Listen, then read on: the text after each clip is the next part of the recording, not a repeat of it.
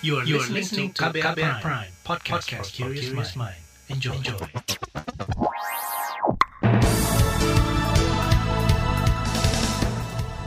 Selamat pagi saudara, senang sekali kami bisa menjumpai Anda kembali melalui program Buletin Pagi edisi Rabu 2 Desember 2020 bersama saya Sindu Darmawan. Sejumlah informasi pilihan telah kami siapkan di antaranya banyak kepala daerah terinfeksi COVID-19. Pemerintah akan perpanjang dana otonomi khusus Papua dan Papua Barat. Ratusan warga Lumajang mengungsi pasca erupsi Gunung Merapi. Inilah Buletin Pagi selengkapnya. Terbaru di Buletin Pagi. Saudara sejumlah kepala daerah tertular COVID-19. Yang terbaru Gubernur DKI Jakarta Anies Baswedan menyatakan dirinya terkena virus corona selasa kemarin. Sebelum Anies, Wakil Gubernur DKI Ahmad Riza Patria terlebih dahulu terjangkit corona. Anies mengaku tidak mengalami gejala apa pun. Ia juga langsung menjalani isolasi mandiri di rumah dinas gubernur. Senin tanggal 30 November, saya kembali menjalani swab PCR sebagai konfirmasi atas hasil antigen hari sebelumnya. Dan ternyata malamnya dini hari saya mendapatkan kabar kalau hasilnya positif. Hasil tes PCR menyatakan bahwa saya positif COVID-19. Anies Baswedan memastikan semua tugas-tugas gubernur akan tetap dilaksanakan dari rumah dinas, tetapi semua dilakukan secara virtual. Saudara Anies dan Riza Patria menambah daftar kepala daerah yang terinfeksi virus corona. Sebelumnya sejumlah kepala daerah sudah tertular terlebih dahulu, antara lain Gubernur Kepulauan Riau, Bupati Aceh Barat, Ogan Ilir, Wali Kota Bogor, dan Wakil Wali Kota Bandung. Asosiasi Pemerintah Kabupaten Seluruh Indonesia, APKASI, mencatat beberapa kepala daerah meninggal akibat COVID-19, antara lain Bupati Bangka Tengah, Morowali Utara, Situbondo, Wali Kota Tanjung Pinang, dan Wali Kota Banjarbaru. Saudara Presiden Joko Widodo kembali mengingatkan kepala daerah untuk memperbaiki penanganan pandemi virus corona. Jokowi menginstruksikan setiap kepala daerah menekan dan mengendalikan penularan virus corona di daerah masing-masing. Saya memang kalau ada peningkatan sedikit saja pasti saya akan berikan warning secara keras karena kita nggak mau ini keterusan. Jadi saya ingatkan itu karena memang ada kenaikan sedikit harus segera diperbaiki dan di beberapa kota kabupaten itu ada kenaikan, itu segera dikejar dan dihentikan, jangan sampai terus menanjak ke atas. Dan juga satu dua provinsi, satu dua tiga provinsi yang perlu diberikan perhatian. Presiden Jokowi mengklaim pengendalian pandemi COVID-19 bisa semakin baik berdasarkan sejumlah indikator penanganan COVID-19. Di antaranya tingkat kesembuhan yang awal pekan kemarin mencapai 83 persen, atau jauh lebih baik dari rata-rata angka kesembuhan dunia, yaitu 69 persen. Kementerian Dalam Negeri menyerukan agar setiap daerah meningkatkan disiplin mematuhi protokol kesehatan. Ini disampaikan juru bicara Kemendagri Beni Irwan menanggapi banyaknya kepala daerah yang tertular virus corona. Ia meminta kepala daerah tidak lengah untuk berlaku disiplin di tengah kesibukan kerja. Menurut Beni, Kemendagri belum mengeluarkan kebijakan khusus untuk mencegah kepala daerah tertular COVID-19. Selain itu, pembatasan aktivitas kepala daerah juga belum tepat untuk diterapkan saat ini. Satgas penanganan COVID-19 akan terus meningkatkan pelacakan dan tes termasuk di ibu kota karena jumlah kasus positif terus bertambah dalam sepekan terakhir. Juru bicara Satgas Penanganan COVID-19 Wiku Adhisa Smito prihatin atas terinfeksinya Gubernur dan Wakil Gubernur DKI Jakarta yang menegaskan bahwa virus corona bisa menular kepada siapa saja termasuk kepala daerah kebijakan pencegahan COVID-19 di ibu kota akan tetap berjalan dan fokus uh, kepada implementasi strategi 3M dan 3T. Satgas berharap diagnosa positif COVID-19 pada pimpinan daerah dapat menyadarkan masyarakat bahwa COVID-19 berpotensi untuk menular kepada siapa pun, siapa saja, tanpa memandang status maupun latar belakang, bahkan apa pun pekerjaannya. Satgas ingatkan agar masyarakat betul-betul tertib protokol kesehatan. Juru bicara Satgas Penanganan COVID-19 Wiku Adhisa Smito mengatakan ketidakpatuhan akan protokol kesehatan menjadi peluang tertular virus corona. Sementara itu, relawan kesehatan Tirta Mandirahudi alias Dr. Tirta menilai banyaknya kepala daerah yang positif COVID-19 menjadi pertanda bahaya. Ia mengingatkan masyarakat agar semakin waspada dan menjadikan kasus ini sebagai alarm keras. Dan ini kan virusnya udah nyebar ke mana-mana, jadi ya itu bisa menyerang siapa aja. Pertanda gubernur kena itu berarti bisa menyerang siapa aja. Hmm. Kalau sudah sampai ring satu tuh berarti COVID ini udah menyebar terlalu masif. Ya maksudnya gubernur yang protokolnya udah ketat aja bisa kena. Kenanya aja di kasar kantor kemungkinan. Namanya kepala daerah ketemu banyak orang. Ya itu hmm. artinya pertanda lihat alarm buat kita aja masing-masing. Berarti setiap dari kita tuh bisa aja OTG. Relawan Kesehatan Tirta Mandirahudi alias Dr. Tirta juga menuturkan penularan COVID-19 yang semakin masif harus direspons cepat oleh pemerintah. Ia meminta penerapan 3T, yakni tes, pelacakan khusus, dan penanganan untuk lebih dimaksimalkan. Sementara itu jumlah kasus positif COVID-19 secara nasional bertambah lebih dari 5.000 kasus selasa kemarin. Penambahan itu menyebabkan jumlah total kasus mencapai lebih dari 543.000 orang. Sedangkan jumlah pasien meninggal sepanjang hari kemarin bertambah 136 orang. Total ada lebih dari 17 ribu orang meninggal. Saudara, pemerintah akan memperpanjang dana otonomi khusus untuk Papua. Informasinya usai jeda, tetaplah di Buletin Pagi KBR.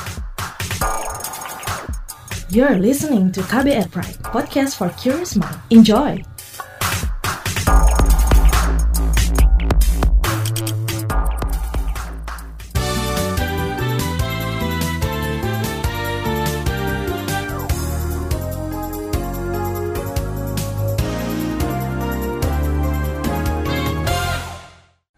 Saudara pemerintah bakal memperpanjang dana otonomi khusus untuk Papua dan Papua Barat yang akan berakhir pada tahun depan. Menurut Kepala Kantor Staf Presiden KSP Muldoko, hal itu tertuang dalam keputusan Presiden yang dikeluarkan untuk mempercepat pembangunan di kedua provinsi itu. Nah, sudah ada Kepres nomor 20 2020 tanggal 29 September 2020.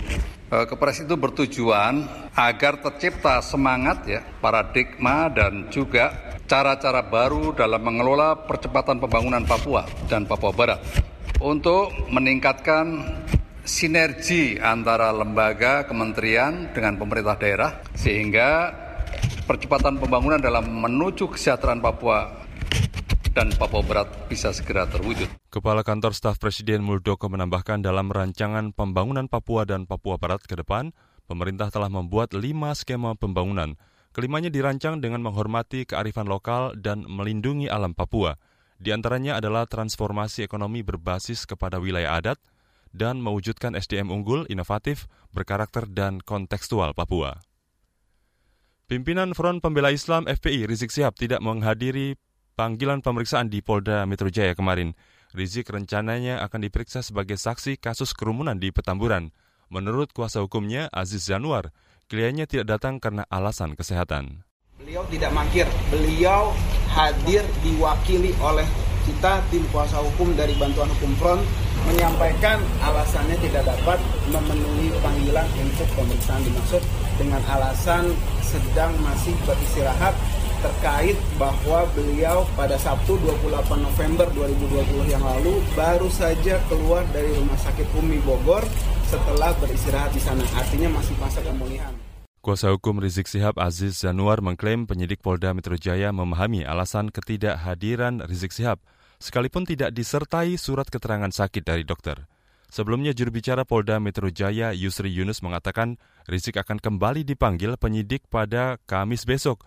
Polisi menaikkan kasus kerumunan di Petamburan ke tahap penyidikan, diduga ada unsur pelanggaran pidana dalam acara itu.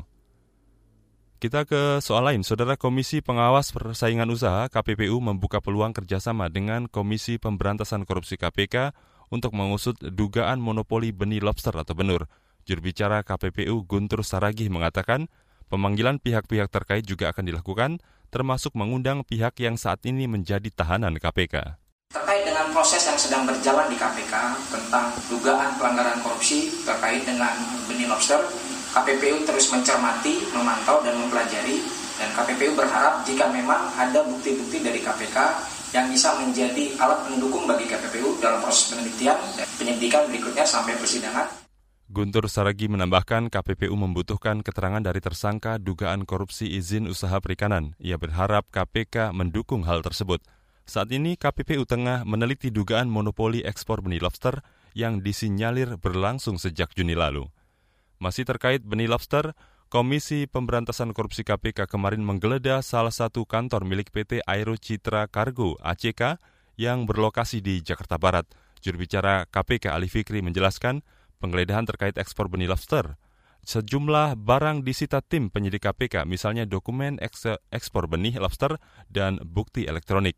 Dalam kasus ini, KPK menetapkan tujuh orang sebagai tersangka, di antaranya Menteri KKP nonaktif Edi Prabowo.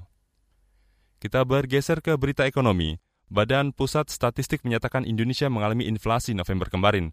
Berdasarkan data inflasi sudah terjadi selama dua bulan terakhir. Deputi Bidang Statistik Distribusi dan Jasa BPS, Setianto menjelaskan, inflasi terjadi di 83 kota dari 90 kota.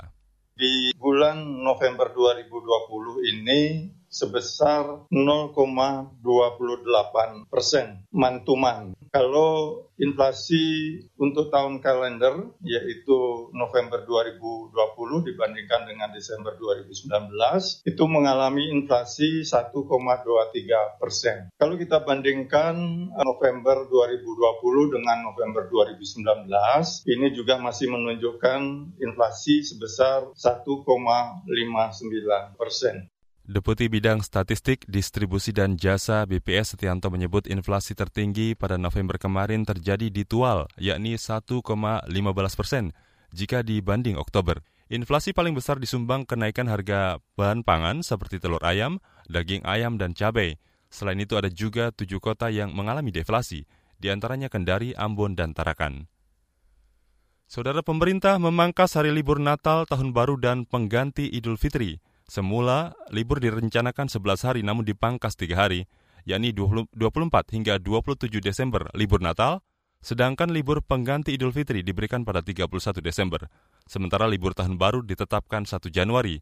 Untuk tanggal 28 hingga 30 Desember, masyarakat bekerja seperti biasa.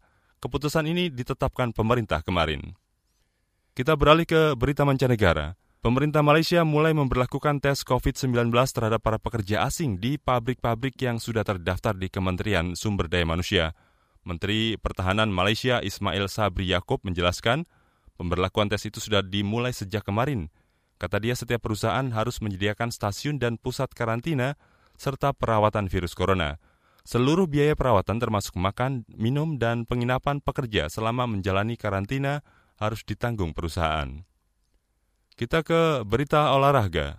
Real Madrid kalah 2-0 melawan Shakhtar Donetsk di pertandingan penyisian grup B Liga Champions di Stadion NSC dini hari tadi.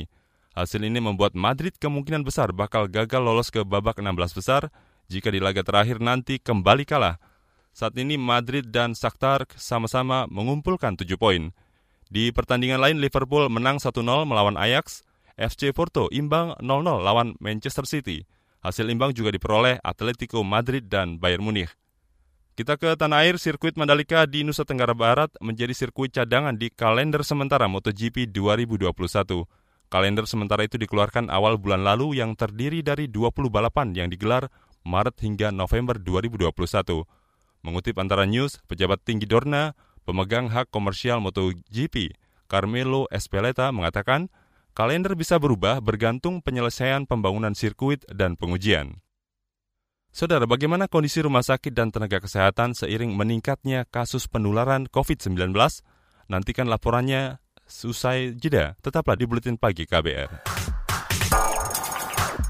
You're listening to KBR Pride, podcast for curious mind. Enjoy!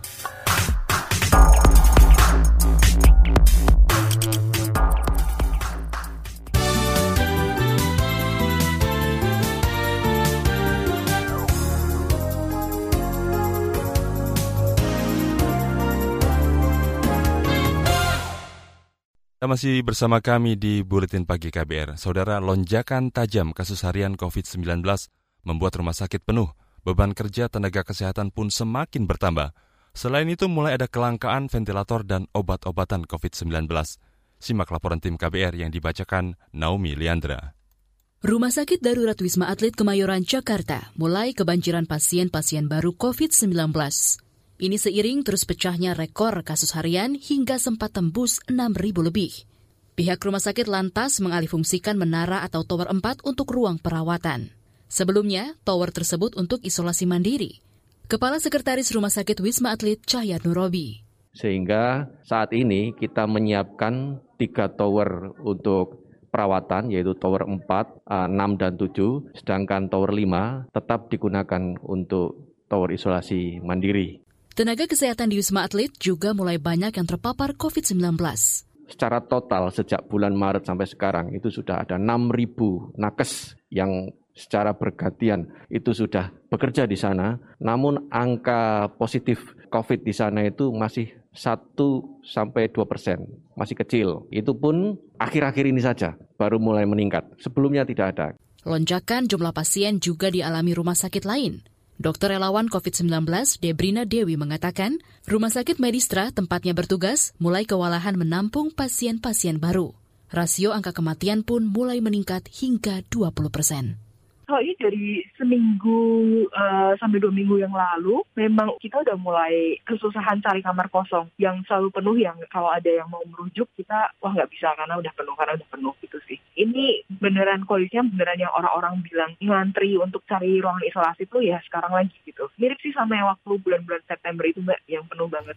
Beban kerja yang bertambah memang tak pernah menyurutkan semangat Debrina dalam bekerja.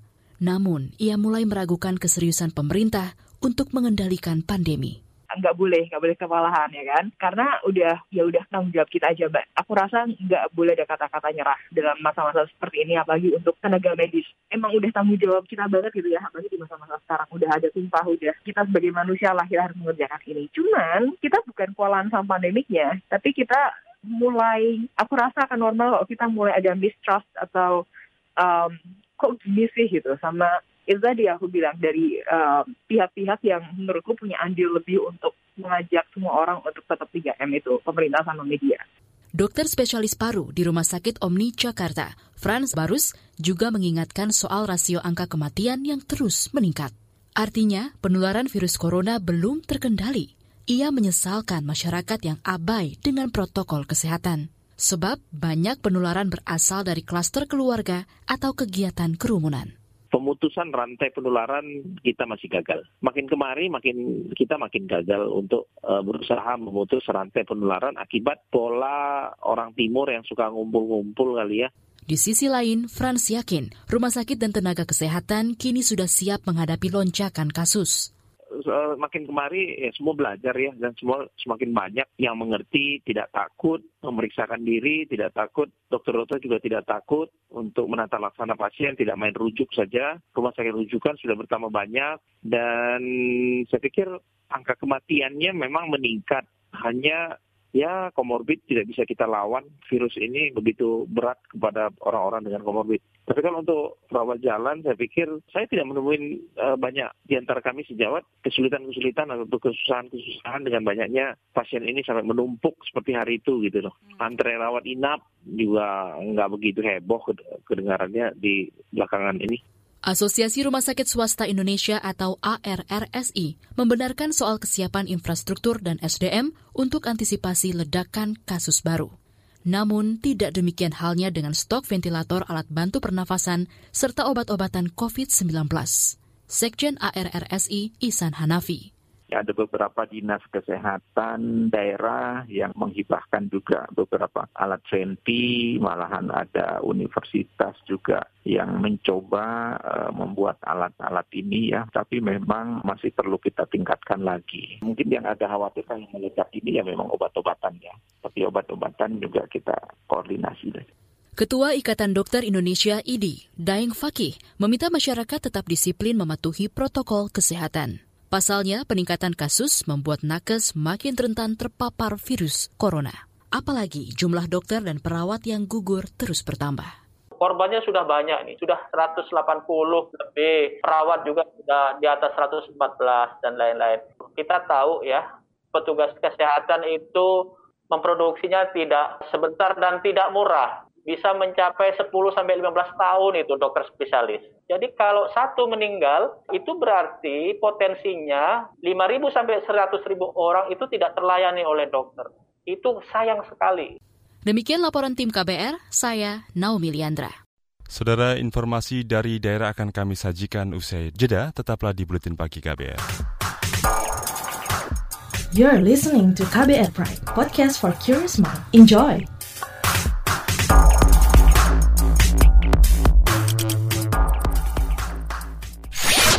Commercial break. Commercial break.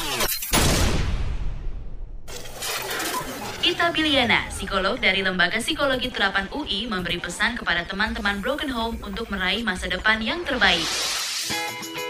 Terlepas bagaimana kondisi rumahmu, bukan kondisi orang tuamu, itu ya kamu adalah individu sendiri yang punya hak dan punya kemampuan untuk menentukan nanti ke depannya mau gimana gitu. Jadi apa yang terjadi di belakang kamu tuh it doesn't define who you are atau Yes. who will you be gitu aja, who you will be. Simak obrolan selengkapnya dalam podcast Disco Diskusi Psikologi dalam episode Masa Depan Anak Broken Home di kbrprime.id dan platform mendengar podcast lainnya.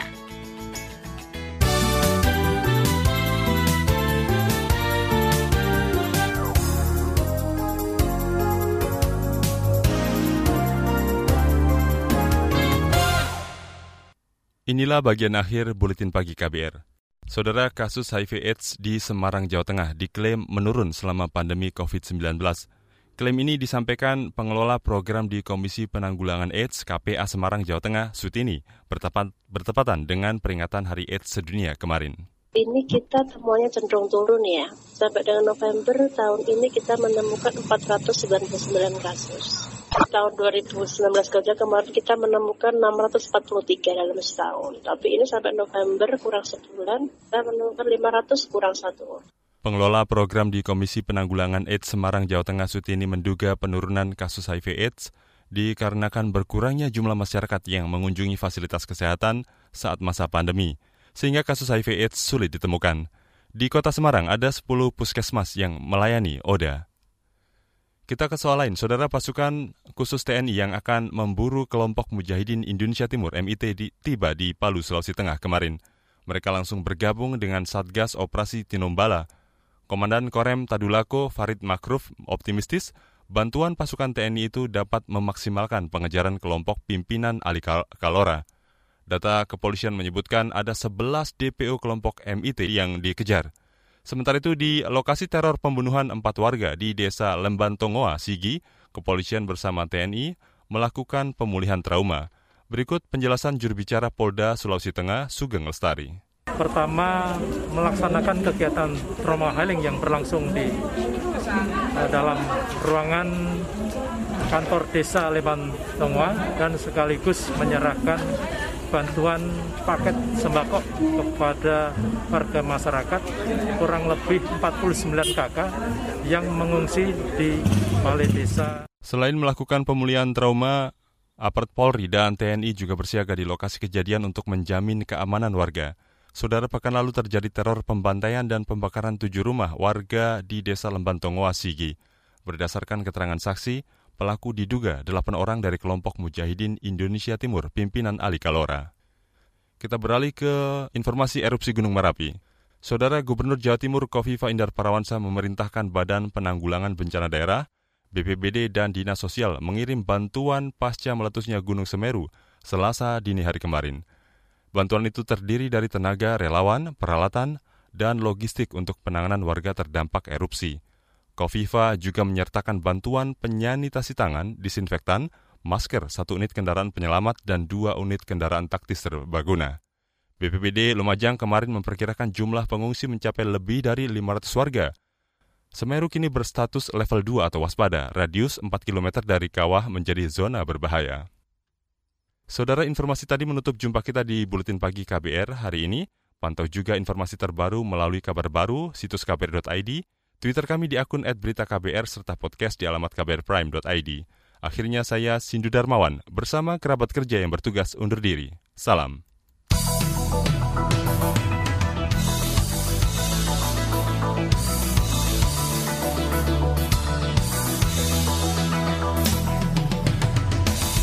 KBR Prime, cara asik mendengar berita. KBR Prime, podcast for curious mind.